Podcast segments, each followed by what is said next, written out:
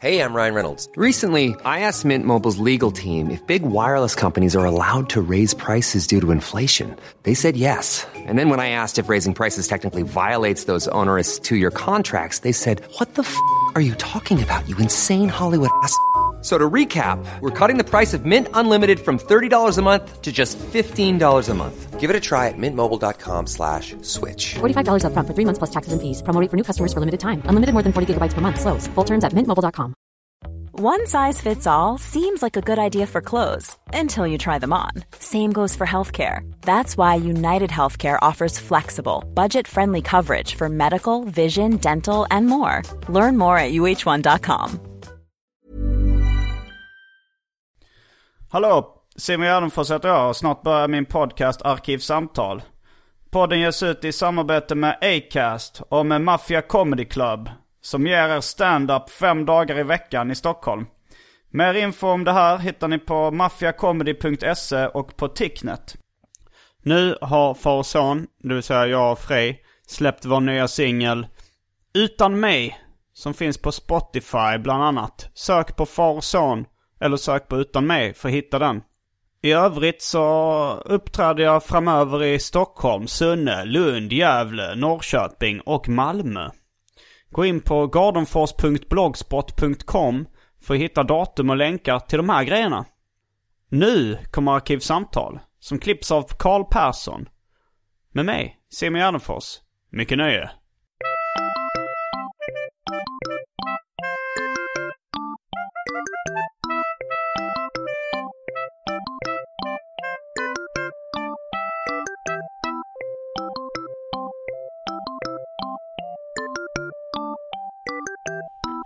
Hej och välkomna till Arkivsamtal.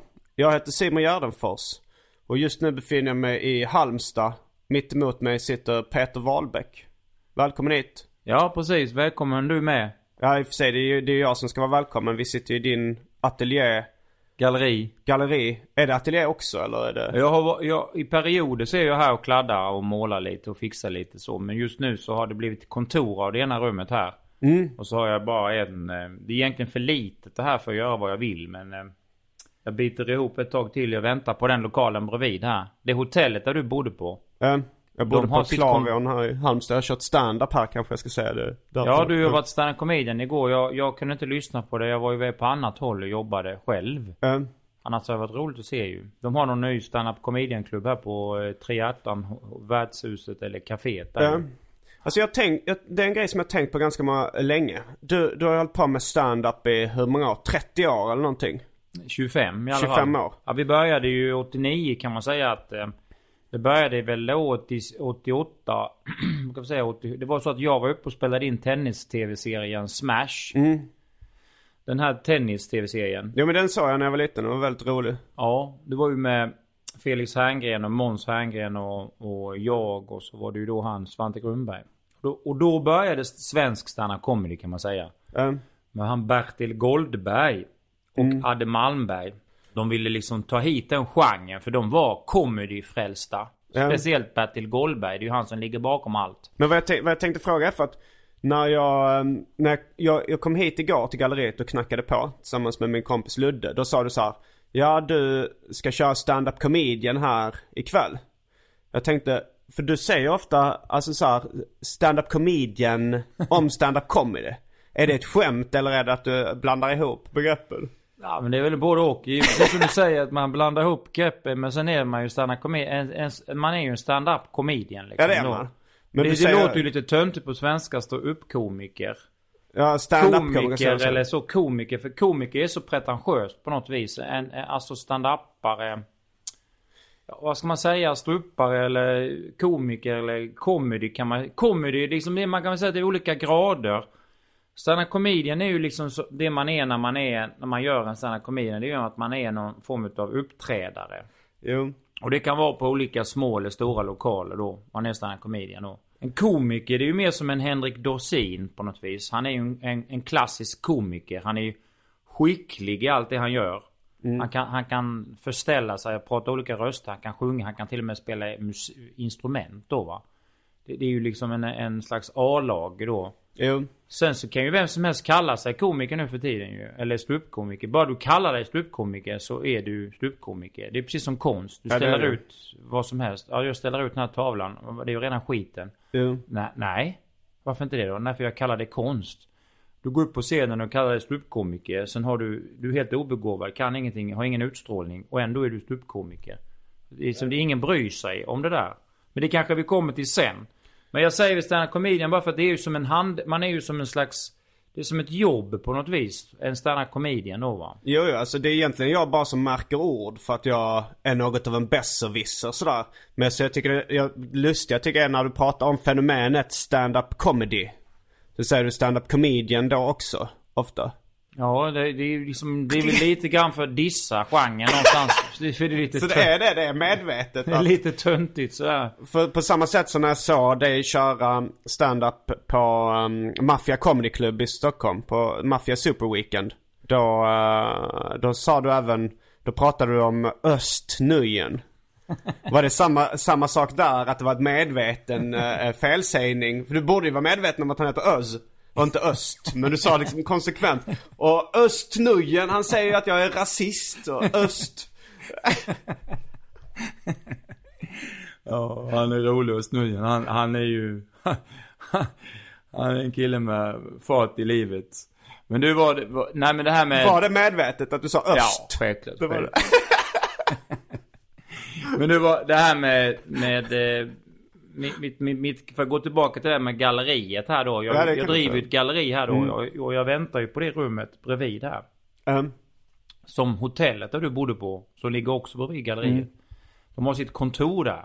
Och jag behöver mer yta. För att kunna göra vad jag vill då va. Mm. Jag hade ju det här, hotell, det här eh, galleriet hade jag ju då seriöst i början med olika konstnärer som jag kom hit.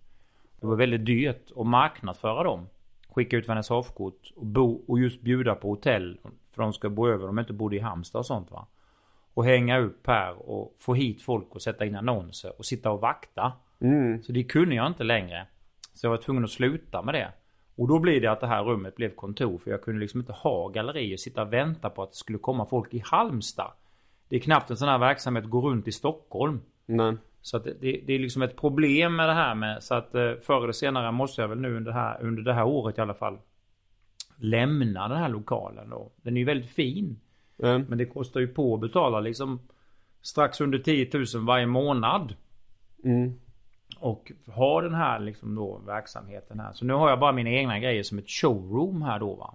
Egentligen skulle man ju ha en, en jättestor lokal som man just kunde köra stand comedy i. Det hade ju varit perfekt va. För mindre sällskap då. Mm, jag verkligen. gillar ju när stand comedy är för små sällskap faktiskt. Alltså jag, har, jag, jag kan uppskatta när det bara är runt 75-80 stycken. För då kommer man alla nära. Om man själv styr det på något vis. Jag gillar ju så den där Mafia Comedy där du var. Den, Mm. den lokalen tror man ju är bra. Men den är ju vedervärdig. Alltså den är, ju- den är ju bra. På ett sätt är den bra. Men den är ju inte riktigt bra. För det blir för mycket folk. Det blir för, det blir för okoncentrerat. Det är för rörigt. Det är för varmt. Det är för splittrad lokal. Stand-up comedy funkar bra. Jag tycker att Norra Brunn är en bra lokal. För där blir det som en slags eh, teaterscen i en halvcirkel. Man kan nå alla bra. Men, det, men den är ju skräck när det är lite folk. Är det lite folk där så är det inte kul på Norra Brunn. Utan det måste vara mycket folk va. Alltså, Norra Brunn skulle man kunna göra till en riktigt bra comedyklubb. Men, men där är det ju lite grann att de skiter ju egentligen vem som uppträder. Gör de? Ja, det är ju lite så tycker jag. Alltså stand comedy har ju... Ja, det, den, lev, den lever sitt eget liv. Jag, jag, jag, jag har ju lämnat den branschen lite grann känns det som. Jag, jag liksom lever mitt egna liv på något vis. Så engagerar man sig inte så mycket. Jag, jag, jag bara märker liksom att det, det rullar på och det kommer massa nya personer som inte man vet eh, vad de heter ens var de kommer ifrån då va. Som du till exempel. Jag hade ingen aning om att du eh, höll på med stand comedian liksom då eller, eller hå- håller på med detta. Men det låter ju logiskt när du säger att du har sysslat med humor i olika former då som serietecknare och så.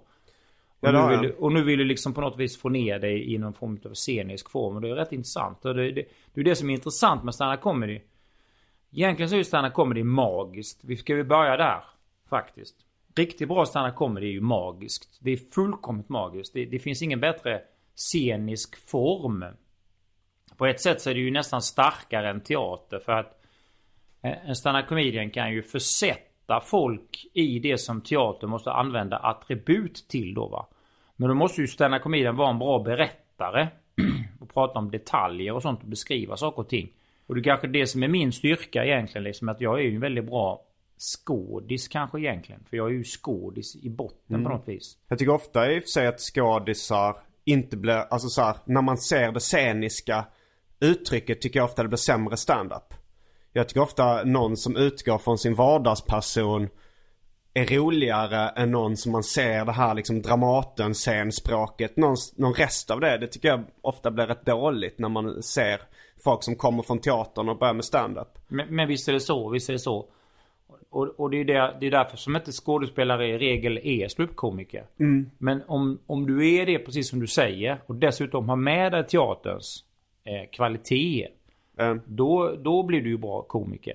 Om du kan prata med olika röster. Mm. Eller, eller mm, trycka till eller använda. Det som, det som har saknats och så alltid saknats i stand komedien Det är ju mångt och mycket den här dramatiska dramaturgin. Alltså det finns en dramaturgi. Där man har en början, en mitten och ett slut. Och sen, sen så i kommer det mycket teknik också va.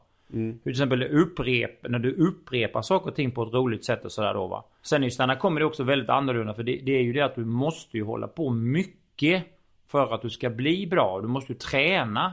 Och det är därför som jag tycker att svensk publik är ju duktiga på så vis. För de är ju försökskaniner för er som är nybörjare. De, de sitter ju snällt och, och dumsmilar. Här i Halmstad är min kompis teaterchef då. Så att jag kan gå in lite på sidan i, komma lite sent och så sitta längst bak och titta då va. Och det är ju förskräckligt dålig kvalitet alltså. Det, det, fa, det fattas... Är det lokala Nej, det är ju de här, alla de här Marika Karlsson och Öst Nujen och alla de som har varit här måste jag säga då. Alltså det är ju, nu senast var det ju Bettner och han Soran Ismail som var här på någon Mm. sån här eh, Bror Duktig-turné då va. det, det är ju det är ju bara rappakalja. Men jag måste bara fråga en grej innan vi glömmer det. För det, du kör, kör vidare. Men det här, är det sant den historien man har hört om Özz om hans första gig?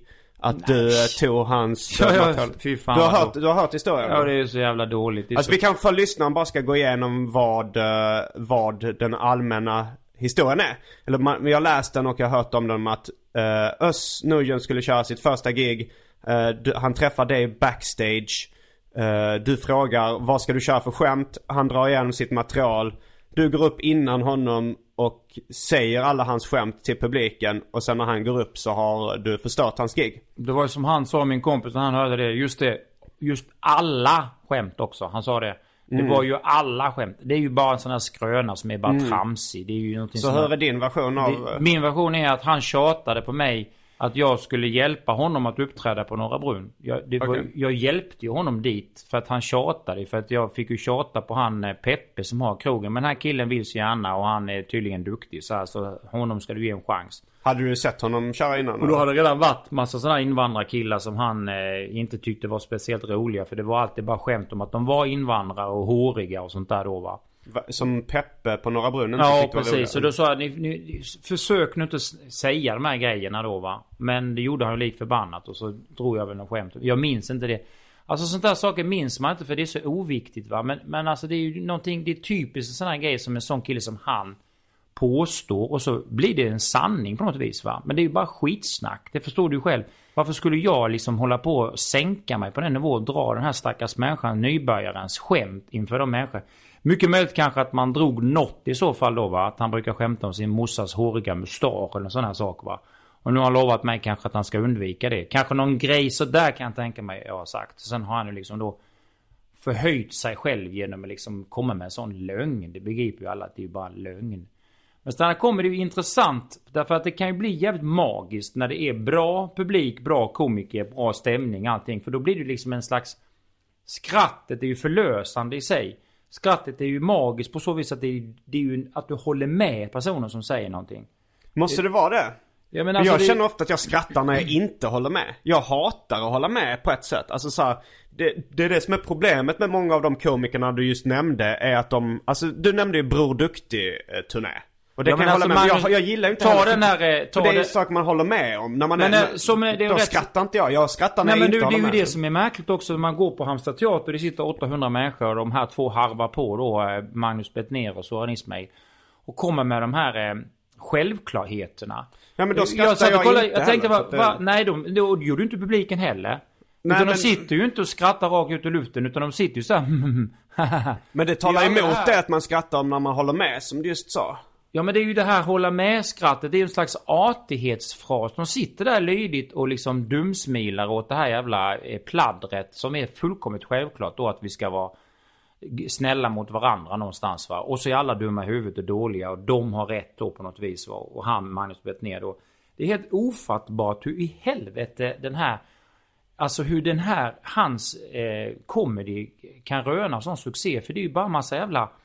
Det, han, är, han är väldigt skicklig på att säga någonting.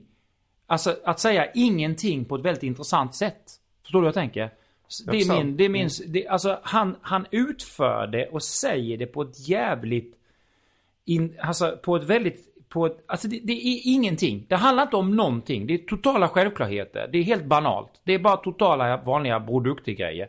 Men han säger det på ett väldigt intressant sätt. Och har en form av stil. Den här surgubbestilen med den här skalliga personligheten. Går fram och tillbaka, fram och tillbaka, går fram och tillbaka, går fram och tillbaka. Med, med näven i byxfickan. Och liksom du vet allt som man får lära sig på beteendevetarkursen i Lund. Att det där är en människa som är trasig på något vis va. Och, och, och så sitter folk och inte skrattar. Utan sitter så här och, och dumsmilar håller med. Så det är verkligen märkligt va. Och det är ju det som gör att stand comedy är magiskt. Att en kille som han ändå kan röna sån eh, succé. Förstår du mig? Så det, det, det är ju verkligen, och det är det vi, för att gå tillbaka till det vi pratade om innan där. Var kommer en komiker ifrån? En ståuppkomiker kommer från ingenstans. Alltså, och, och överallt. De har väldigt olika bakgrunder. Det kan vara en skådespelare, det kan vara en journalist, det kan vara du, det kan vara en serietecknare. Sen kan det vara bara en, en, en, en, en kille som Özz Nujen som håller på med teatersport. Och är liksom så här lite flåshurtig typ liksom så här. Åh hej hej. hej, hej. ja men precis. Han är sådär lite pigg glad kille och så blir han ståuppkomiker för det rullar på. Och så lär han sig det hantverket då. En kille som eh, Schyffert till exempel då. Som får jobba ganska länge innan han, innan han etablerar sig. Och han är ju mer komiker för att han är Schyffert, förstår du mig? Han är ju mer som en kändis som går upp på scenen, läser hantverket jättebra. Och vet vad han ska trycka på. Han, han är, ju- han är ju bra Schyffert för han kan, han kan ju vara sån här typ att och så åker jag bussen runt kvarteret! Jag åker bussen runt kvarteret! Du vet han trycker på saker och ting som är, ja. Och så vet han att det funkar på något vis för att han är Schyffert. Alla de här olika stilarna, det är ju det du säger. Att du är en, en personlighet på något vis som... Så det, är- det är väldigt, väldigt speciell genre, är det verkligen. Det är det verkligen. Jag tänkte vi ska kasta oss in på det måttligt populära inslaget Välj drycken.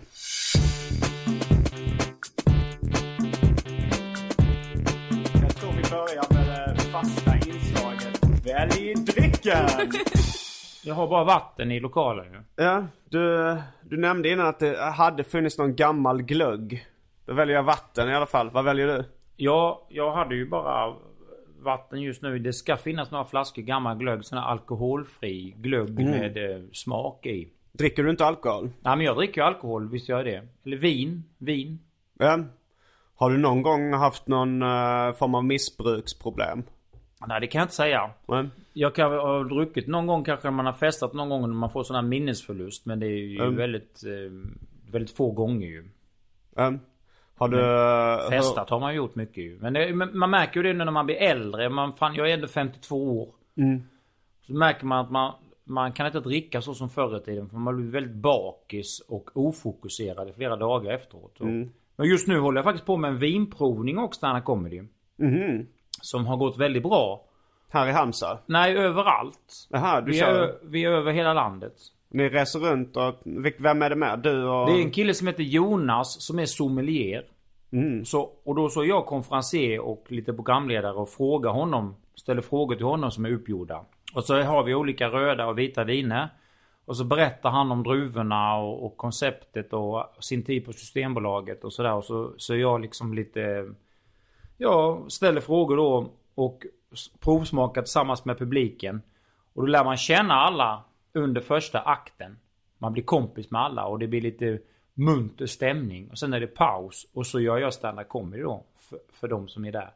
Och då, och då är det ett lagom antal, ungefär mellan 70 till 100 personer. Och det, det var mitt sätt att närma mig stand comedyn igen på något vis på ett kul sätt. Dels att man är två. Dels att man gör en double act. Man får lite... Men han kör inte skämt då? Jo, jo, Som vi har igen. ju då planerade skämt då. Okej, har, du, Som har en, han eh, skrivit? Vi har skrivit det tillsammans kring vinet. Vad och- kallar ni den här showen? vi, vi, vi, vi, Aristokraterna? vi kallar den Sveriges roligaste vinprovning. Okej. Så det är enkelt. Det är en vinprovning och den är rolig och det är Sveriges roligaste vinprovning då. Eh, Och då har vi gjort som så att vi har bestämda restauranger som vi är på då i varje stad. Så vi bygger upp så att vi jobbar varje dag. Eller vi jobbar då tre dagar i veckan. Och så jobbar vi det tre, så gör vi så. Och sen ibland är vi på sådana här weekend hotell. Och då är det också vinprovningar där. Fast då är det ju många olika slags vinprovningar med champagner. Det kan vara med eh, olika slags cider. Det finns naturviner och biologiska viner och massa, ja. menar du ekologiska viner eller? Där det finns sån här, det finns ju Jag vet inte, bi- biologisk, tänker man så här, en biologisk far och en biologisk son. Ja, det finns naturvin är det Okej. senaste. Ja, men det kanske heter biologiskt vin. Men då är det, så det är olika slags provningar. Och det har slagit ganska väl ut och då, då blir det liksom en, en kombo på ett trevligt sätt. Och eh, stanna comedy samtidigt. Och det, det, det har trivs jag med. Och, eh, Mm. Har du haft svårt att närma dig standupen på sista tiden? När du sa det att eh, det är ditt sätt att hitta tillbaks till den. Nej men jag kan väl säga det att jag, jag, ehm, jag, jag var ju bara på, jag orkar ju inte stå på sådana här eh, tonårsställen och stå och, och jag, alltså jag, tyvärr är det ju så att, att eh, jag tycker de flesta är ganska dåliga. Jag tycker inte att stand comedy är kul. Det, det är I största allmänhet i I största allmänhet tycker jag inte det då. Men, Så jag orkar liksom inte stå och vänta på att det ska bli min tur. Jag blir rastlös, jag blir dränerad på energi. Så Men sa ju till dem på liksom- Norra Brunn det att ska jag vara här så ska jag vara själv. Mm. Då va. Och ehm, då kommer det ju mycket folk då för det är ju många som hör av sig så här. Vi vill ju bara se dig. Det blir ju så när man då är Peter Wahlbeck då. Då kanske man inte vill gå på Norra Brunn och sitta och genomlida massa andra. Man har ju sån stor publik. Eh, Och de vill se mig uppföra stand comedy. De men varför gör inte du en egen Bror Duktig-turné då? Där du reser runt med bara det och skaffar en producent. Jag har ju försökt men det kommer inget folk. är det sant? Ja, nej det kommer inget folk. Det, det, det, vi har ju försökt. Antingen Men- är det väldigt dåligt marknadsfört eller så är det ju ehm, av någon anledning så klickar det ju i hela maskineriet. Det kommer ju inget folk. Jag har ju aldrig, jag har inte riktigt försökt sådär. Men hade du en professionell bokare då liksom? Och Nej, det hade jag inte. det är kanske där Jag har aldrig haft låg. det. Jag har aldrig haft någon. På, på flera, flera år har jag inte haft någon sån Varför som- har du inte haft det? Alltså det är där, om du hade haft någon, det, det, du sa ju själv just att ditt namn drar folk till till exempel Norra Brunn. Men det är ganska mycket folk. Då borde du ju bara, bara med någon, om du slår dig ihop med någon som kan sätta upp lite posters och göra lite reklam, borde du kunna göra en egen turné. Och slippa alla problemen. Jag får ju mycket mail sådär och, Mm. och frågor, telefonsamtal och sådär. Ska inte du komma till Örebro? Ska inte du komma till teatern dit och datt? Och Karlstad på den teatern skulle vi vilja ha dig och sådär. Mm. Men alltså jag orkar inte dra i det där själv. Och jag har ju liksom ingen sån som bokar eller har ingen promotor eller någon sån här bokningsbolag eller manager. Så därför om, så- ska, vill du göra en, ifall någon vill bli din manager eller agent, kan de höra av sig till, till dig? Om de hör det här då? Det kan de göra. det kan de göra. Det kan de göra. Varför, Du vet att varför det- skrattar du åt det? Du, du ser det som en absurd Ja, tanke. men om du, ser, om du ser på till exempel nästa komiker som kommer hit är ju, är ju Claes Malmberg till exempel. Ronny Han- Eriksson. Nej, Claes Malmberg. Är det inte han som spelade karaktären Ron, Ronny Jönsson? Den här... Uh, Ja, ja, Ronny Jönsson ja. Ronny Jönsson heter det. Men Claes Malmberg, Men nu- nu han ska han ju komma hit. Ja, han har gjort det jättelänge ju. Mm. Han var ju bland de första också. Ja. Han, han, är, han ska ju komma hit nu till teatern då. Men eftersom att jag prenumererar på lokaltidningen här så har jag ju sett att den annonsen att Mm. han ska komma hit nu i, nu i veckan här, nästa vecka här. Det, det börjar de redan annonsera redan i höstas. Alltså tidigt i höstas. I september, oktober kom de första annonserna. Och att ha den, de ekonomiska musklerna Att du marknadsför en komiker i ett halvår innan de kommer till den här eh, bonhålan Halmstad i princip va. Det kostar jättemycket pengar och det är de produktions... Du, du, du, det räcker inte med att du har en manager eller någon utan du måste ha ett bokningsbolag som har ekonomiska muskler. Hur kommer det sig att inte du har det? Ja, det kan man ju fråga sig. Det beror ju på att jag inte har liksom kanske... Jag, jag har inte engagerat mig så mycket i det. Jag har inte orkat och sen så... så det som jag sa, stanna kommer, den, den lever sitt egna liv. Man är liksom ute. Jag är lite ute på något vis. Det är andra som är inne. Och då blir det de som, som tar liksom hela skrovmålet på något vis. Va? Det, det, det är olika, olika trender, olika teman. Du är inne, du är ute. Just nu så är jag ute. Va? Ja, på ett sätt, alltså du har ändå någon form av cred. Alltså det kom ju mycket folk när du körde på Mafia Comedy till exempel. Det var en väldigt rolig show. Jag satt och, och skrattade med halvt fördärvad åt den. Men det är ju det- lite folk. Det, är ju, det går ju inte in mer än 100-150 personer på ett sånt ställe. Ja, kanske 200. Jag vet inte hur mycket det går in på Norra Brunn till exempel eller. Ja, det går väl in 200. Men, eh, men har, du, har du någon gång eh, legat på någon av de stora bokningsbolagen som Roa Produktion eller vad heter de? Ja men det var ju det råa produktion var ju, jag var ju med i början när det startades upp då när eh, David Batra och eh, Johan Glans skulle ha eh, en manager då ju med han, vad hette han? Eh, Kristoffer Linell tror han hette. Kristoffer Linell. Han startade ju det för att han skulle hjälpa de två med att bok, sätta bokningar. Och sen helt plötsligt så var det ju fler som hakade på det tåget och köpte in sig och blev delägare i det här råa produktion. Så det blev ett A och ett B-lag. Och Hasse Brontén Polisen och de där. eh, De, blev, de skulle ju äga råa produktion. Och det var ju perfekt för då hade de ju Johan Glans och eh, David Batra som artistnamn för råa produktion. Alltså, så, så när de två inte kunde ta jobben så tog de andra delägarna jobben. Och jag hamnade i någon slags B-lag då. För jag fick inte vara delägare. Ville då, du vara det? Då, ja det, det var ju det som var meningen att alla skulle vara från början Mm. var det ju snack om. Sen blev det ju inte så utan det blev ju då Östnujen och de som tog över alltihopa.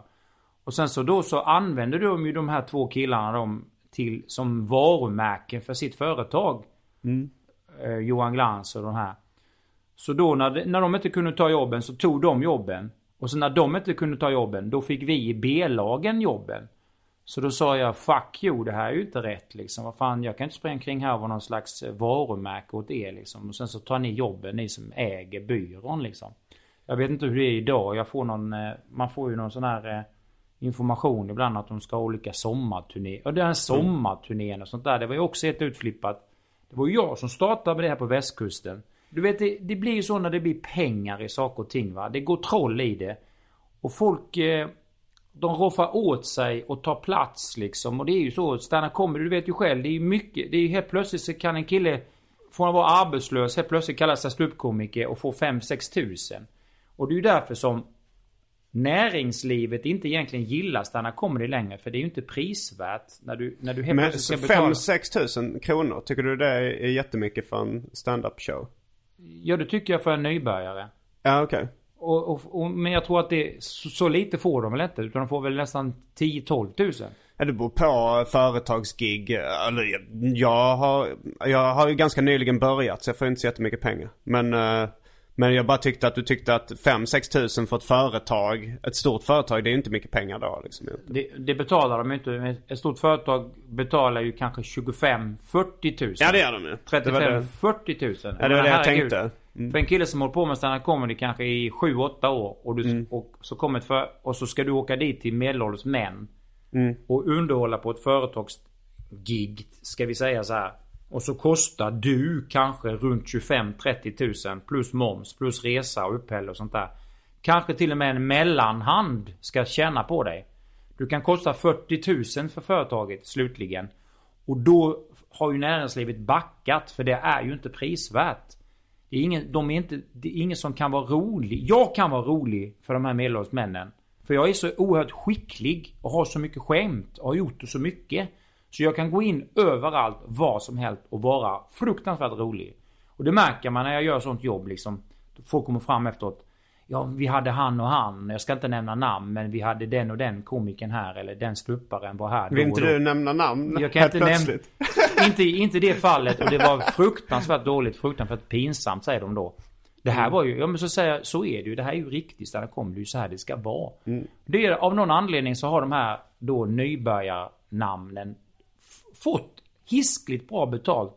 Och kan inte hantverket.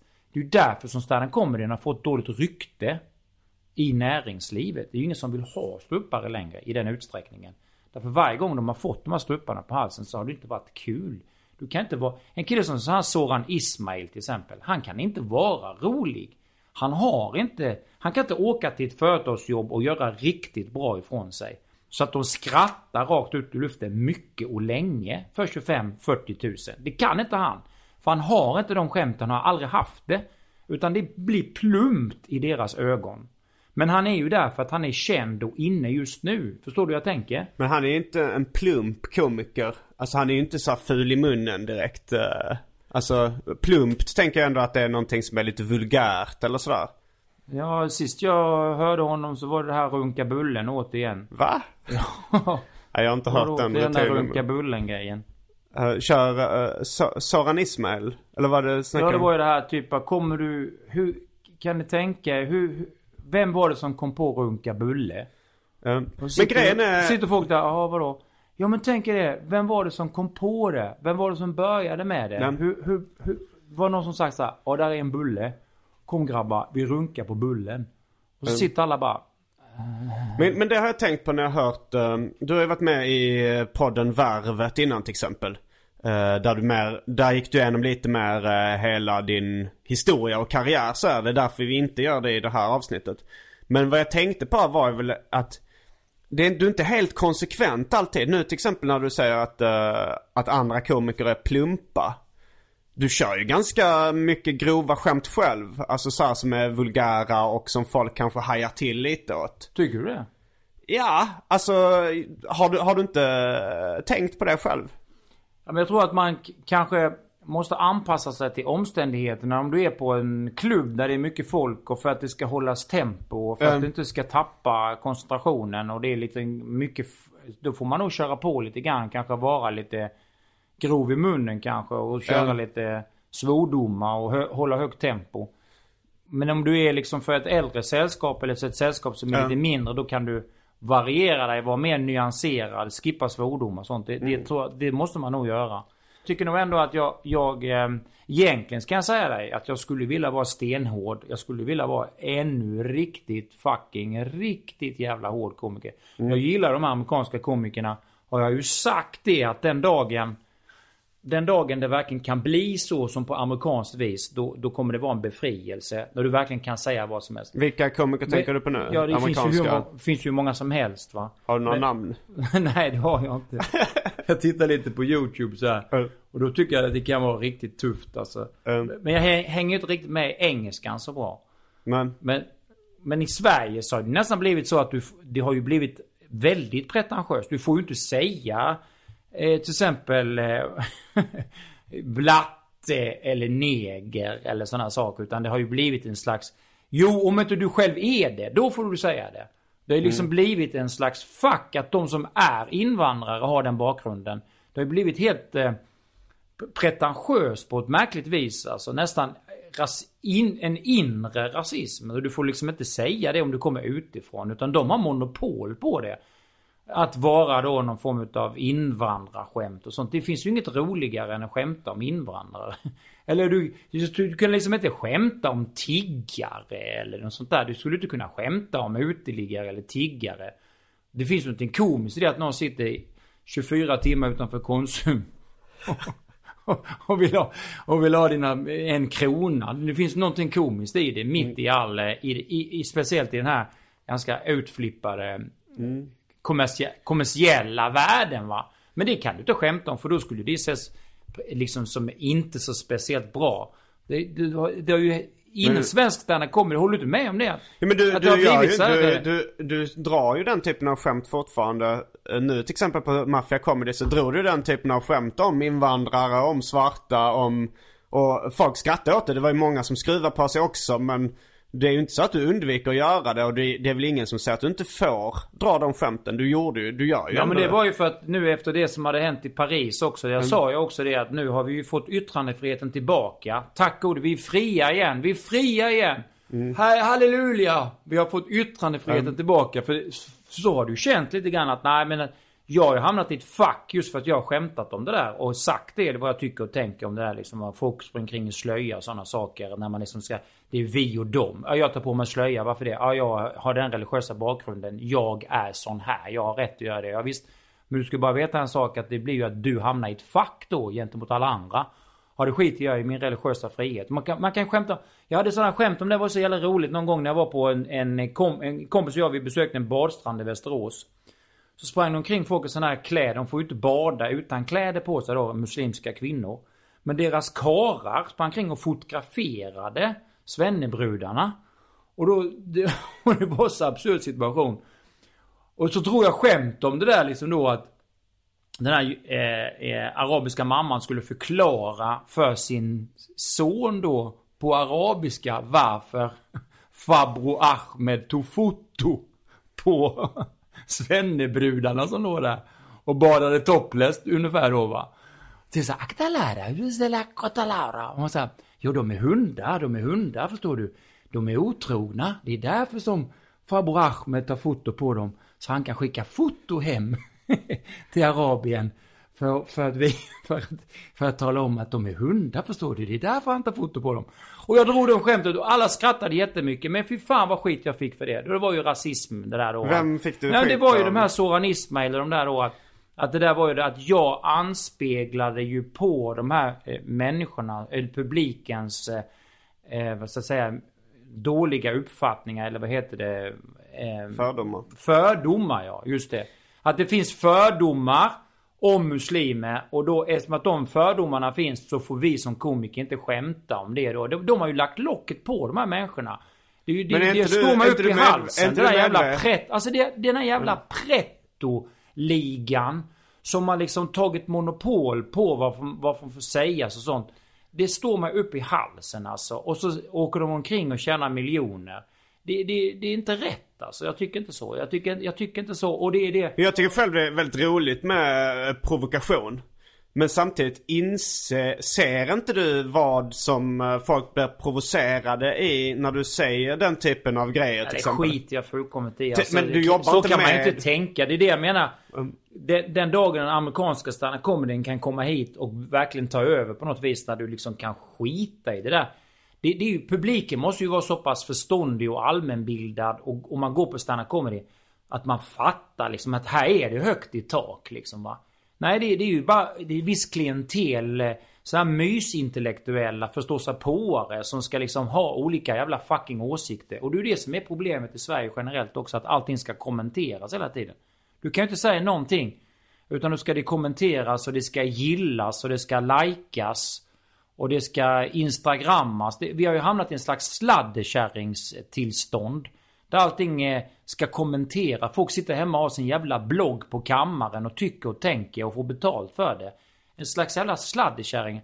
Ja, titta här nu ska jag ta foto på min mat här. Så ska jag lägga ut det på Facebook. Och så ska alla andra gilla då att jag ska äta den här jävla maten. Vad är det för jävla samhälle vi har fått? Men eh, det, både du och jag deltar ju i det samhället. Just nu sitter du och pratar alltså så här, om andra komiker. Kanske inte bara i positiva ordalag. Uh, skulle du inte säga att, det, att du då är en del av sladderkärringsamhället? Du ställer ju frågor till mig. Ja, vi kommer... Du ställer ju frågor till mig. Ja, ja, men alltså det, Jag svarar på vad du, hur du uppfattar det där maffia jag, jag, kan ju bara, jag kan ju bara svara vad jag tycker och tänker liksom att eh, jag kan ju inte... Jag, jag, jag, eh, jag men- har alltid tyckt, jag har alltid sagt vad jag tycker och tänker. Och vad är skillnaden på att göra det och vara en eh, sladdertacka? Men det är ju en annan slags sladder när man pratar om det här med att man ska hålla på och kommentera allting till höger och vänster. Men det, du, det, det är väl det du gör nu? Du sitter och kommenterar branschen. Du kommenterar vad du, din syn på saken. Men det är ju inget sladder direkt utan det är ju mina åsikter. Ja men det är väl bloggarna och, och folk som har åsikter. Och, alltså det som du, vad, vad ser du, var är den stora skillnaden? Jo, det är en helt annan, en helt annan sak vi pratar om. Vi pratar ju inte om... Vi pratar ju om att den här det är ju det de diskuterar hela tiden, den här olika näthat och sådana saker. Det kommer ju det här att allting ska kommenteras och diskuteras. Det är ju det att det, det har ju egentligen med det här med att söndra genom att splittra. Det är ju liksom så det funkar i, i, i ett kapitalistiskt samhälle. Någonstans är det ju det. Roten till allt ont får vi inte glömma bort att det handlar ju om att vi lever i ett kapitalistiskt samhälle. Där, där människor eh, blir rikare och många blir fattigare. Det, det får vi inte glömma bort. Alltså det, det, Nej, jag håller med glöm- om att det, det är en eh, väldigt dålig grej med samhället. Sen vet jag inte om det är roten. Alltså så här, jag tror människ- evolutionen kanske eh, har gjort människan eh, lite egoistisk och den starkes överlevnad och allt det där. Det är kanske liksom det som är roten. Och sen är mer kapitalismen ett eh, resultat av det mänskliga psyket. Så, så är det naturligtvis. Mm. Så, så länge människor accepterar att, att eh, bli förslavade på något vis och Mm. utnyttja det så är det klart att och att den som är starkare då kan utnyttja situationen. Det är ju klart att det kommer finnas orättvisor. Ready to pop the question? The jewelers at BlueNile.com have got sparkle down to a science with beautiful lab grown diamonds worthy of your most brilliant moments. Their lab grown diamonds are independently graded and guaranteed identical to natural diamonds, and they're ready to ship to your door. Go to BlueNile.com and use promo code LISTEN to get $50 off your purchase of $500 or more. That's code LISTEN at BlueNile.com for $50 off. BlueNile.com code LISTEN. Many of us have those stubborn pounds that seem impossible to lose, no matter how good we eat or how hard we work out. My solution is PlushCare. PlushCare is a leading telehealth provider with doctors who are there for you day and night to partner with you in your weight loss journey. They can prescribe FDA-approved weight loss medications like Wagovi and Zepbound for those who qualify. Plus, they accept most insurance plans. To get started, visit plushcare.com slash weight loss. That's plushcare.com slash weight loss. Millions of people have lost weight with personalized plans from Noom, like Evan, who can't stand salads and still lost 50 pounds. Salads, generally, for most people, are the easy button, right? For me, that wasn't an option. I never really was a salad guy. That's just not who I am. But Noom worked for me. Get your personalized plan today at Noom.com. Real Noom user compensated to provide their story. In four weeks, the typical Noom user can expect to lose one to two pounds per week. Individual results may vary. Vad jag vill komma fram till är det att det, du, kan, du kan inte förväxla det att och påstå att jag kommer med sladd. Utan jag säger vad jag tycker och tänker. Och det, den här jävla pretto-världen inom all form av nöje och underhållning. Där du får inte säga saker och ting därför att du har en åsikt om att att det, då, då frigör man fördomar som finns. Vad är det för jävla skitsnack? Det måste ju för fan lyssnaren själv få bestämma och vara så pass intellektuell och allmänbildad. Den tycker och tänker och skrattar åt det. Och det, sen åter till det här jävla tjatet. Man ska kunna skämta om allting. När det väl kommer till kritan så kan du inte skämta om allting. Du kan säga hela tiden ja, man ska kunna skämta om allting, man ska kunna skämta om allting. Men du får ju inte skämta om allting. När du väl gör det då så är det ändå fel. Så att det, det, det, det, det, det, det är ju ett sammelsurium och mischmasch av massa olika åsikter fram och tillbaka. Jo, där håller jag med dig att uh, Det är jag, jag bullshit det här skämt om allting. Man kan inte, jag kan säga, och det kan jag säga en sak. Man kan inte skämta om allting heller. Du ställer inte dig på en scen och, och skämta om pedofili eller eh, skämta om... Varför inte det? Nej, det, det gör man inte. Varför inte? Det, därför att eh, det finns inget kul i det. Det är klart det finns något kul i det. Nej. Det är självklart. Det är självklart att det finns något roligt i det. Du, du tycker det finns något kul i pedofili? Ja, det, eh, det tycker jag. Det, jag kan se väldigt mycket humor i pedofili. Det, men det, det är där jag tycker du rätt ofta talar emot dig själv. Du sitter liksom dels och säger så här att eh, om, om andra komiker att folk, ja ah, men det blir inte roligt, folk, det är plumpt. Folk sitter och skruvar på sig. Och sen, eh, och sen säger du att okej, okej, och sen när jag gjorde det här och det här, då blev, satt folk och skruvade på sig och tyckte det var över gränsen. Jag kommer ihåg jag hade en skämt en gång. Det har jag fortfarande. Jag berättade om den här killen som visade. Det var en blottare som visade, visade sitt organ för några barn i en sandlåda. Ja. Det, det är ett rätt roligt skämt va? Ja, nu, nu svängde du igen där. Det handlar ju om det att, att det, en blottare springer lös. Och det står i tidningen att han har fått eh, stryk av en turk. Som i slagsmålet bet blottaren. Och då blir den här blottaren så eh, förbannad att han polisanmälde turken som bet honom. Det är en sann historia. Utav det gör jag en, en fantastisk stand comedy som är väldigt rolig. Som handlar om att handlar om vad får man skratta åt och vardagen är rolig och, inspiration i vardagen. För det stod i tidningen då va. Och alla skrattade på Norra Brunn. Då kommer det fram en kvinna efteråt och gråter. Det kommer fram en kvinna efteråt och gråter. Och vi, jag står där och håller hov. Och vi dricker öl. Gråter. Vadå? Då, det, det är fruktansvärt det du berättat. Vadå? Ja, jag har blivit utsatt för en sån blottare när jag var liten.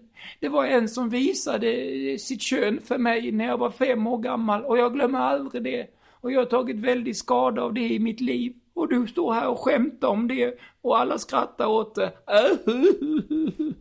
Så det är som att, det är klart att, det är klart att, nu var ju inte det ett pedofilskämt, det var ett blottarskämt. Men det var finns det, var alltid det folk... blottade han sig för barn? Eller? Ja, det Men var- då var det väl ändå lite pedofili, pedofila inslag i det, måste jag säga. Nej. Vadå? Man, En blottare kan du inte räkna som en pedofil. varför, ifall Men det är ju en rolig, det är en rolig berättelse därför det har olika bottnar. Men det finns alltid någon som kan misstolka saker och ting va. Mm. Men, men att, man, att man ska kunna skämta om allting. Det, det kan man göra till en viss gräns. Men du kan, om, du, om du hävdar att du går upp på scenen och du kan skämta om pedofi, pedofili. Och, och göra någonting roligt av det. Go ahead. Men jag kommer inte göra det. Nej, varför inte det? Nej, för det finns inget roligt i det. Man, får man ska inte skämta om det. Säger du att man ska inte skämta om det? Du sa ju just så här, man ska kunna skämta om allt. Det är bara folk som är Bror Duktig och dumma i huvudet som säger att man inte kan komma själv. Sen kommer du och säger att man inte ska skämta om pedofili. Nej, det ska är, man inte. Det är jättekonstigt. Nej, det då, ska då, man är, då, är du då är du ju lika illa som de som säger att man inte ska skämta om invandrare. Ja men alltså det, det, det, det är klart att det finns en gräns också där man ska skämta om invandrare också. Det är ju klart att, det är klart att, det, det håller jag med. Det där med att man inte kan skämta om allting, det är ju liksom en slags myt i branschen och alltid så liksom, kan man skämta om allting? Ska man få skämta om allting? Det är ju lätt att säga att man kan skämta om allting. Men vi alla vet ju det att så är det ju inte riktigt va. Och det, Men det att finns skämta, ett- om, om, skämta om, om utsatta människor som sitter och, och tigger utanför Mm. varuhusen. Visst, det finns någonting komiskt i det men, men, men det är också svårt att hitta någonting roligt och, och skämta om det. I och för sig, i och för sig. det var en väldigt rolig grej som hände här faktiskt i Halmstad. Det var ju en kille som hade satt sin, han hade ju suttit och tiggt utanför Systembolaget då va. Um, Och så satt han inte. Så var han borta. Jag, jag kom själv. Då satt han där. Och så av någon anledning så hade jag glömt att handla någonting. Så jag kom till, gick tillbaka till systemet. Det var över jul och nyår. då, då var han borta. Han satt inte där. Mm. Men hans väska satt där och någon hatt eller vad det var. Någon mugg. Och så var det en liten lapp. Kommer strax. Stod det. Kommer strax. ja, det är Det var, det var ju rätt bra liksom. På Det är roligt, vis. men alltså för jag, jag tycker absolut att eh, ofta blir det roligare eh, desto känsligare ämnen man skämtar om. För att liksom tabu är ju roliga att ta upp. Men, men eh, ibland känner jag nu när vi har pratat att du inte ens försöker ha en konsekvens i dina argument. Att du inte kan ställa dem bredvid varandra och säga så här: okej nu sa jag det här. Då måste jag vara konsekvent eh, när jag, när, när du, du säger så här, man kan skratta åt utsatta grupper som tiggare och invandrare. Och sen så berättar du liksom att, ja men du tycker inte man ska skämta om pedofili för det finns inget roligt i det. Och sen berättar du, ja men jag blev berätta, jag har ändå skämtat om det och det var ganska kul. Och det var någon som äh, grät ut, "Bä, bä, bä, du ska inte skämta om det för jag har blivit utsatt för det. Och sen, alltså försöker du ens ha en konsekvens i dina argument eller, eller bara kör Men man på? kan väl säga att, man kan väl säga att, man kan väl säga att det har ju, det här är ju, du har rätt på ett sätt men samtidigt så är det ju så att du kan ju inte vara konsekvent på det viset. Det, det är ju från gång till gång, fall till fall va. Och du kan ju skämta om saker och ting om du hittar någonting kul i det och gör det nyanserat och bra och roligt. Då, då kan du göra det men jag har svårt att hitta, jag skulle säga att jag skulle till och med Alltså det skulle mycket till om jag skrattar åt ett bra pedofilskämt. Då får det fan mig vara bra någonstans va. Men att en blottare blottar sig för ett par unga på försiktigt avstånd. Men det var ju inte så här att han var mitt inne. Det, är ju en... På försiktigt avstånd! Fast storyn är ju inte riktigt sån. Storyn är ju att han blir bortjagad då va. Det, det är ju en helt annan story. Men, men att det kommer fram någon efteråt och har upplevt en sån sak och attackera komikern. Det, Ehm. det är ju helt... eh, Du vet att... Det är precis som du gör en intervju. Då kan någon bara klippa ut en mening, saxa ut den Ehm. och, miss, och med, med, medvetet missbruka den meningen till negativ fördel för den som du intervjuar, eller hur va? Jo, Så har du, det, absolut. du alltid, det är ju det du läser på löpsedeln då. När någon säger någonting så ska de försöka hitta någonting negativt. Det står då han rasar eller någonting. Och så har det bara varit en intervju om att han bytte fönster. Förstår du? Det, det är ju liksom helt... eh, Det är ju helt absurt. Och det, det är det jag menar, det, det är också i det här jävla snadde, i det här sladdkärringsamhället. Så har det också blivit så. Sådana trender liksom där journalister och media kan liksom trycka till någon och förnedra någon genom att bara... Det är ju, de tar ditt ansikte och sätter dig på en löpsedel eh, jämte någon eh, mördare eller någonting. Jaha, då kan folk förknippa ditt ansikte med den här mördaren. De har inte läst artikeln. Men, men du är uthängd av någon jävla anledning va? Förstår du vad jag Mm. menar? Det, det, det är så jävla lätt att, att använda me, medial makt liksom. Att, att förnedra människor sådär va. Ehm, Men vad jag snackar om det här, det, är- det är svårt att vara konsekvent liksom. Alltså i, när, man, när man argumenterar. Det beror väl på att man kanske skiftar känslomässigt och sådär. Men där skulle jag nog säga att du gör det mer än andra människor. Att din, eh, din hjärna ser ut lite på ett annat sätt än, eh, än genomsnittet i Sverige. Du, du har väl fått höra ganska många gånger att folk uppfattar dig som lite galen. Ja men alltså det, det, det var ju på den tiden när man när man använde stora uttryck. Alltså du vet när man, när man, jobb, när man var yngre sådär 25-30 års åldern så hade man ju stora uttryck. Man var kanske li, lite där burlesk, lite vulgär. Man hade det här uttrycket och vi gjorde ju, vi, vi gjorde ju då TV Firalle och Kalender Firalle här i Halmstad som är någon slags milstolpe ju i 90-talet. Förresten För- är Bank Firalle inspelat i Hjärup. Nej det är inspelat i Kvibbele. Okej, då ljög de på Hjärups uh, pizzeria. Ja, vi var där nere och filmade. Ni var där? Okej. Men i alla fall den här tv-serierna, de var ju lite så avantgardistiska på något vis. Och det här som man kallade för dogma, att man bara använde micken eh, och så filmar man rakt av då. Mm. Det var ju våra grejer då. Där spelade vi ju, och det är klart att det uttrycket, det, jag har alltid gillat det här storsvulstiga. Där man tar liksom plats och är lite grov på något vis, uttrycket sådär Mm. då va. Men det är ju lite grann för att synas. Sen så mattas det ju ner ju äldre man blir på något vis va. När man ska utreda för pensionärer till exempel. Då, då är man ju en helt annan person. Och det är ju jobbet du är, är, är ju, det är ju ditt jobb som stand comedian är ju att du ska anpassa dig till omständigheterna. Så är ju lite grann. Du, du, du är ju där för att göra ett jobb för att underhålla dem vara rolig. Då går du ju inte ut liksom med storsläggan och kör din grej. Utan då är du ju där för, för, för att ha en, dem, ge dem en trevlig stund. Va? Ja. Nej men det finns ju, de det, flesta det komiker... inget, det där säger du, du säger att du, du säger att jag inte är konsekvent. Nej. Men det, det är klart att är om du lyssnar noga så Ja. är jag ju det. Jag är konsekvent. Jag är ju en kameleont. Men det ingår ju i jobbet någonstans va. Jag är, jag är i allra högsta grad konsekvens. Du är Men sen så konsekvent har jag med ju å- förändra dig då? du kan, ju inte, du kan inte förväxla min, mina åsikter om saker och ting med sladder eller att inte vara konsekvent. Jag har ju åsikter. Ja, Min men- åsikt är att man kan skämta om allting.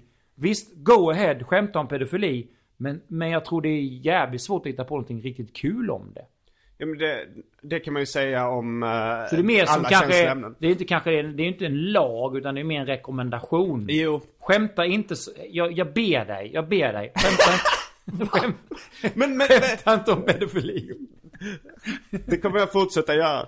Men, men du säger, vissa komiker, de, alltså som du säger nu, äh, Firalle-grejerna uppfattas, det I var så, jag- fall skulle du, I så fall skulle du göra att du skämtat Okej, hej allesammans. Nu ska jag skämta om det absolut svåraste som finns. Nu ska jag, jag ska då- skämta då om en- man ju det, liksom. Jag ska, jag ska skämta.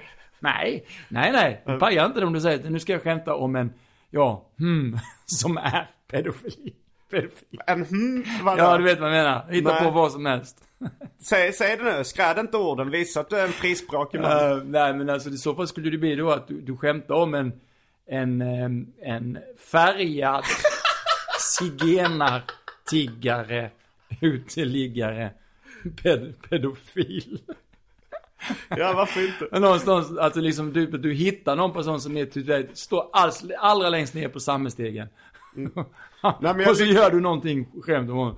Det hade ju funnits, då, då, då, då, någonstans, där, där lossnade ju då va? Um, jag uppträdde i en boxnings, på en boxningsmatch eh, för, för någon vecka sedan. Då uppträdde vi i en boxningsring. Och då tänkte jag så här, men då borde jag specialskriva något skämt om eh, boxning. Och det enda jag kom på då var ett pedofilskämt. Men eh, folk skrattade faktiskt så. De, de satte väl lite skrattet i halsen. Men mitt skämt var så här, att boxning, det är ju lite samma sak som att ha sex med barn. För eh, även om man använder skydd och båda är med på det så är ju lite poängen att man ska skada någon allvarligt. Ja, det var ju bra gjort. Där, Det- där, där ser du, du skrattade åt ett pedofilskämt trots att du sa att det var... Vet att de är pedofilskämt? Vad är det Det är ju boxningsskämt. Ja, kombon. Man bara... Men, men, det, men det här, det finns många komiker som eh, anses, alltså ha en galet uttryck som du också hade i liksom Firale-grejen. Men samtidigt, jag, jag hörde dig, du var med i något tv-program för länge sedan och då så presenterade de, så här kommer han, Sveriges galnaste komiker, Peter Wahlbeck. Och så kommer du in och säger så här, alltså jag är inte galen. Det sa de om Hasse och Tage på den tiden också. De är galna, de är galna. De var inte galna. Och det, i deras fall så kan jag nog hålla med om det lite. Eh, att de inte var galna, Hasse och Tage. Men hur är det med dig? Ser du dig själv som helt normal, helt frisk, helt fullt fungerande? Eh, Ja, herregud alltså. Det, det gör jag i allra högsta grad alltså. Herregud, om du tittar på eh, komiska uttryck eller konstnärliga uttryck. Varför så... tror du att du uppfattas? För att jag menar det är många komiker som har ett galet ut, Men det är ju uttryck. media som stöper någon i ett fack. Är det så? Det, så är det ju alltid. Så det finns ju vi- vissa som aldrig kommer loss. Du är ju stöpt i ett. Jag menar, jag kommer ihåg hur länge som helst att Charlie, eller Lenny Norman hade ju Mm. väldigt, hade ju rykte om sig att vara då under bältet hela tiden. Mm. Jag försvarade honom jättemånga gånger. Han är jättebra komiker. Han är skitbra och väldigt rutinerad. Det är bara, det är bara bullshit det där. Men det var ju då att media, någon journalist, någon hade sagt det liksom att ja, han kör bara under bältet. Och det var ju inte alls mycket under bältet. Det, det, det var ju det här eviga tjatet om under bältet ett tag då va. Det, det är ju bara jävla bullshit liksom. Folk hamnar i olika fack och vissa kommer aldrig ur det. Och det där slentrianuttrycket att någon är galen. Jag menar kolla i konstnärsvärlden, jag håller ju på med konst. Um, Där, där kan jag säga, där kan jag säga, jag går in. De här stora målningarna som jag håller på med nu till den här påskutställningen som jag ska ha här. De är galna. Där går jag ju in för att göra dem helt galna. Där att inom en viss yta så ska det vara hur mycket saker och ting som finns som är helt galna. Jag menar du, du, du, du, du som jobbar som serietecknare, du vet ju de här amerikanerna. De här... ehm, Crumb och Ja, de här... S. Clay Wilson. Scrump till exempel Mm. och alla de här. Det är ju helt galna teckningar. Um, Med, med, och väldigt, väldigt absurda och väldigt snuskiga. um, Du vet, som i, det finns ju då... eh, jo, Crumb skulle jag nog säga, alltså han, har du sett dokumentärfilmen om Robert Crumb? Nej, det har jag inte gjort. Han Nej. känns ju inte fullt frisk. Men, men, eh, men inte, kan, inte, Ja, inte men amerikan Han kanske inte behöver spärras in och det tror jag inte att du behöver heller. Men samtidigt kan det ju vara så här att eh, eh, om, om man ser filmen Seven till exempel när de frågar honom hur känns det att vara galen den här mördaren i filmen så säger han så här: Det är inte jag som är galen, det är omvärlden som är tokig, jag som är normal. Och så har vi liksom ganska många Charles Manson och andra galningar tyckt. Eh, de ser ju inte sig själv som galna men, men kan inte, alltså så här, jag ser ju dig som lite, alltså så här, lite mer galen än folk är i allmänhet. Jag tror inte att du behöver spärras in förhoppningsvis men jag tycker ändå du, du, du, kan inte säga det själv att du sticker ut från normen liksom i, i samhället. Jo, det, det, det gör man väl som konstnär alltid tycker Jo jag. det gör man mer eller mindre. Som, som du, du, du sticker också ut med dina grejer. Dina, en en, en ståuppkomiker sticker väl egentligen rätt mycket ut på något vis. Att, att man gör analys av verkligheten på något vis och gör det lite komiskt. Men det där med att vara galen, det är ju liksom ett slitet uttryck Ja, det, är det, ju. vis. det är ju rätt omodernt för att det, man, det är ju ingen på eller avknapp liksom. Det är väl, man Nej, kan men väl exakt, det är, ett- det är ett slitet uttryck och, och det, är, det är helt jävla omodernt. Helt rätt och, och val av, av svar. Alltså, jag Ja. tycker det är, det, är, det är så jävla töntigt någonstans. Ja, någon är, han är galen eller hon är galen. Det är ju bara töntigt. Min mamma ingen- sa att Mia och Klara var galna när hon sa det Ja, på tv. jo men precis. Ja, det är ett galet tv-program och sånt där. Men första gången jag, eh, första gången jag träffade dig i verkligheten. Det var eh, runt millennieskiftet när Galago hade en fest på Prinsen. Minns du det här? Eh, jag och min dåvarande kollega Kalle Törn uppträdde med ett band som vi kallade Boys R Us. Och du var någon form av konferencier för Galago eh, på den tiden. Ja men det kan nog stämma. Jag kommer ihåg det där ja. Mm. Ja, jag, jag, jag var nog det. det. Det stämmer nog ja. Det var ju då med Rolf och så ja. Precis. Um, och då, och då så efter, vi, vi var på efterfest på något ställe. Och det står, såg jag dig stå vid typ spegeln inne på herrtoaletten. Och det var två killar som försökte lugna ner dig. Och du stod och skrek mot spegeln så här, Och de här jävla spanjorerna! De kommer hit och ser vårt fina land som ett smörgåsbord! Och liksom så, lugna dig Peter, lugna dig. Jag kände ju inte att den här killen är inte galen. Hade jag fått ett ryck. Men det, det, i så fall har det väl varit att vi haft någon diskussion där då. Ja, förmodligen. Men de flesta kanske kan sansa sig och inte stå och skrika mot spegeln. Eh, men hur, hur eh, Ja men man har ju mycket, gjort mycket galna grejer på fyllan naturligtvis. Så är det ju. Alltså det är ju det som är roligt med alkohol. Det är ju att, att du, och det är väl därför folk dricker alkohol.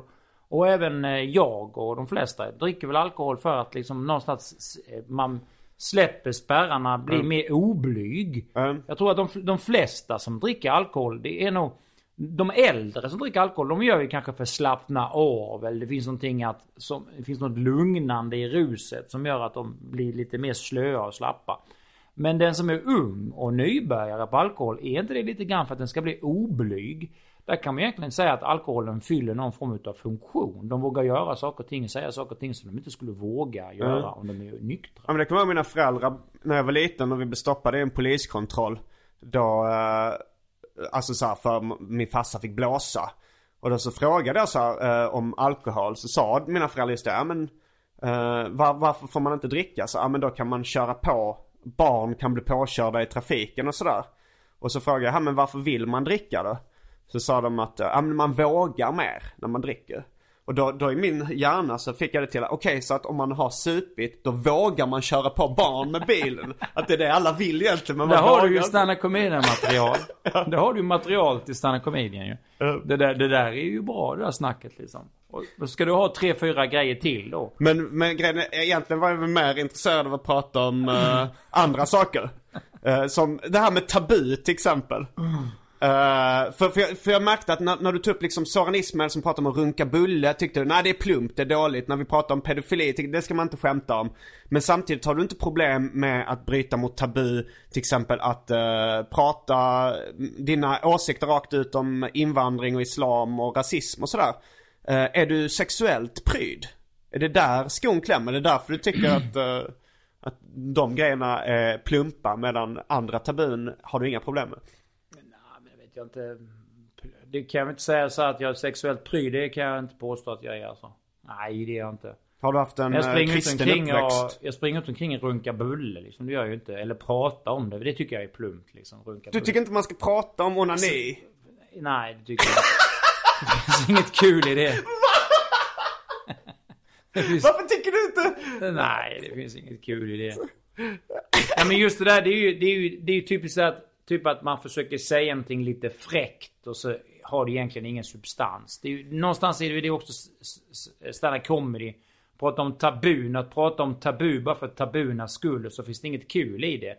Det är ju det som, det är det man märker många gör på något vis va. Men har du haft en sån uppväxt? Så, eh, Jag tänkte då om man, om man inte gillar att skämta om sex så är det ofta folk som kanske haft en kristen uppväxt. Jag eller- skämtar om sex men, jag skämtar om sex men jag gör det ju på mitt vis va. Ja. Och då kan jag bara säga, konstatera Du har inte haft någon sån pryd uppväxt? Du har inte haft en kristen uppväxt. Nej, Nej. nej. Det har jag inte haft. Jag, jag, fan herregud, jag är ju nakenbadare och allt möjligt. Jag är verkligen ingen pryd person alltså. Nej. Det, det, det, menar, det, där har du ju en tendens. Det skulle man ju skämta om liksom att när jag var när jag var tonåring då låg man ju nakna på stränderna och topless. Nu ska man ju ha gigantiska jävla badbyxor och hur mycket jävla badkläder och baddräkt som helst. Man vågar inte visa sig naken. Folk springer omkring och går på badhus. Då är det ju knappt skä- Det är ju skämmigt idag. om du är, går på badhuset i Halmstad här till exempel. Så kommer du in då en massa människor från andra, eh, ja, ny, nytillkomna nysvenskar. Som springer kring med badbyxorna på sig. Du tar en sån tendens. Är det rasistiskt? Jag skiter i vilket. Jag tvättar mitt organ därför det är en skylt man ska göra det. Men många då med invandrarkultur, de kommer ju och, och tar ju aldrig av sig nakna utan de går ju med kortbyxor rakt igenom in i bad, badvattnet och simmar omkring. De är pryda och vågar inte visa sig nakna. Ja, de har en religiös annan kultur. Ja visst, det blir återigen vi och dem. Det är det vi måste snacka om och luckra upp va. Och kan ju inte säga så att du kan ju inte som Sverigedemokraterna säga så här, ja de ska sättas i skola och talas om vad de ska göra och inte göra. Utan var och en får ju bestämma. Men det är hela tiden allt det här lägga locket på. Det är ju tabu. Vissa saker, där kan du snacka om tabu. Vissa Mm. saker får vi bara inte prata om. Det är tabu. Och det är ju därför då som de här högerkrafterna vinner eh, en massa röster. Just på grund av att journalister och alla prettojävlar ska lägga locket på. Och det, det är tabu på saker och ting. Jag har ju ingenting med, med att man har någon religiös eller man har någon sån här eh, i sexuellt hemma. eller något sånt där. Du är ute och svävar nu kompis. Vi, vi lever liksom i en ateistisk fascism. Du ska ha klart för dig det. Du får lära dig i skolan att det inte finns ett liv efter döden och allt. Alla de principerna prackas på dig. Det finns inget magiskt, det finns inget övernaturligt, vidunderligt. Utan allt religiöst och sånt är bara skit. Det får du lära dig i skolan. Indirekt om du är lite smart. Sen ska du ändå tvingas leva i ett samhälle som allt mer och mer ska ta hänsyn till olika religiösa dogmer. Som egentligen är baserade på sagor. Det är ju sagor. Det här med Muhammed gjorde ditten och datten och Jesus och allt det här. Det är ju sagor och liknelser och berättelser.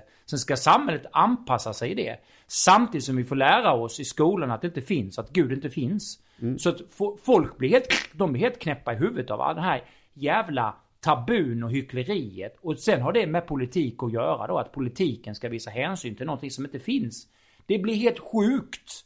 Det blir helt sjukt. Men du har ju själv en Och- religiös övertygelse väl? Ja, men jag har ju en, en, en religiös övertygelse på grund av att jag har träffat människor som minns tidigare jordliv.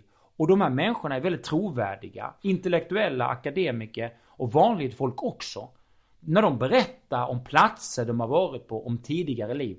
Då kan jag ju inte säga till dem att ja, du, är, du snackar galamatias, du är sjuk i huvudet, du behöver medicin. Utan jag måste ju tro på deras berättelse. När de kan göra det övertygat åker till platser och vittna om reinkarnationen. Reinkarnationen är ju nyckeln Men det finns ju så som hävdar att de träffat Jesus också Ja men det, liksom. det, det, det, kom inte, börja inte snacka sånt där. Det, börja inte snacka det här att den har träffat Jesus eller den har Men träffat då måste man spöken. inte tro på dem Men då också? Nej, det, liksom... Du sa ju att du måste tro på folk som säger att de har uh, upplevt reinkarnation och sådär. Vad, vad är skillnaden? Men du träffar ju människor, om en människa kommer och säger att jag har träffat Jesus då, Ja. va? jag har träffat Jesus. Då, då får Mm. man ju, om det då, du märker ju direkt om, det, om den här människan är någonting att lyssna på eller inte. Man har ju någon form av personkännedom. Man Ja. att, är den här trovärdig den här Nej, jag, personen? jag känner det är inte trovärdigt. Men det så känner jag med folk som pratar om reinkarnation också. Ja, då, då har du träffat fel person, det kan jag tala om för dig. Och med de orden avslutar vi veckans avsnitt av Arkivsamtal. Jag heter Simon Gärdenfors. Och jag heter Peter Wahlbeck. Det var kul att snacka med dig och lycka till nu med allt du, du tar dig an. Fullbordat samtal.